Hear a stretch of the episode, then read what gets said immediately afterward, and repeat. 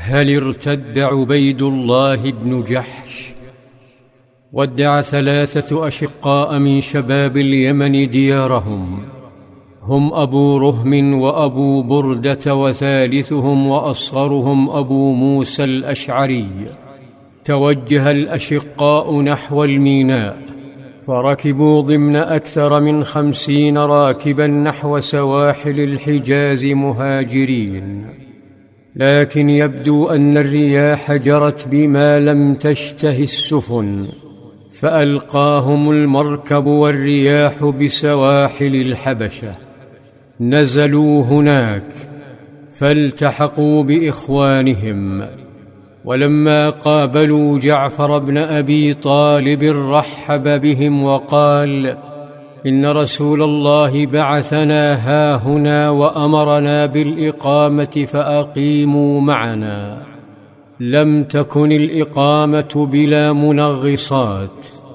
رغم أجواء العدل التي أضفاها القائد المسلم أصحمة النجاشي فالشوق للنبي صلى الله عليه وسلم وللأهل والديار يعصف بالقلوب ويهيج المشاعر. فقد وصل قبلهم بسنوات شاب اسمه عبيد الله بن جحش وهو شقيق أم المؤمنين وابن عمة النبي صلى الله عليه وسلم. وصل وبرفقته زوجته أم حبيبة بنت أبي سفيان واسمها رملة. زهدت بثراء والدها وزعامته وتركت خير بقاع الأرض نحو قارة أخرى. لا للسياحة والنزهة ولكن لأن خير بقاع الأرض تفتقد أول حاجات الإنسان. تفتقد العدل رسالة الأنبياء بعد التوحيد. لقد أرسلنا رسلنا بالبينات وأنزلنا معهم الكتاب والميزان ليقوم الناس بالقسط.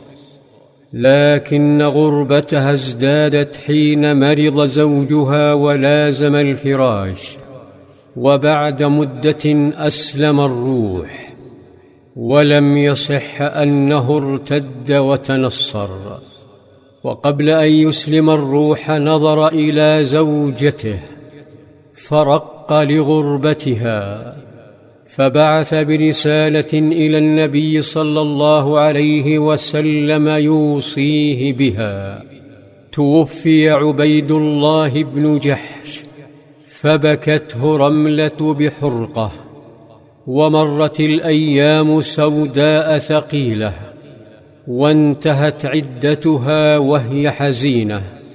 وذات يوم أشرقت عليها شمس أخرى.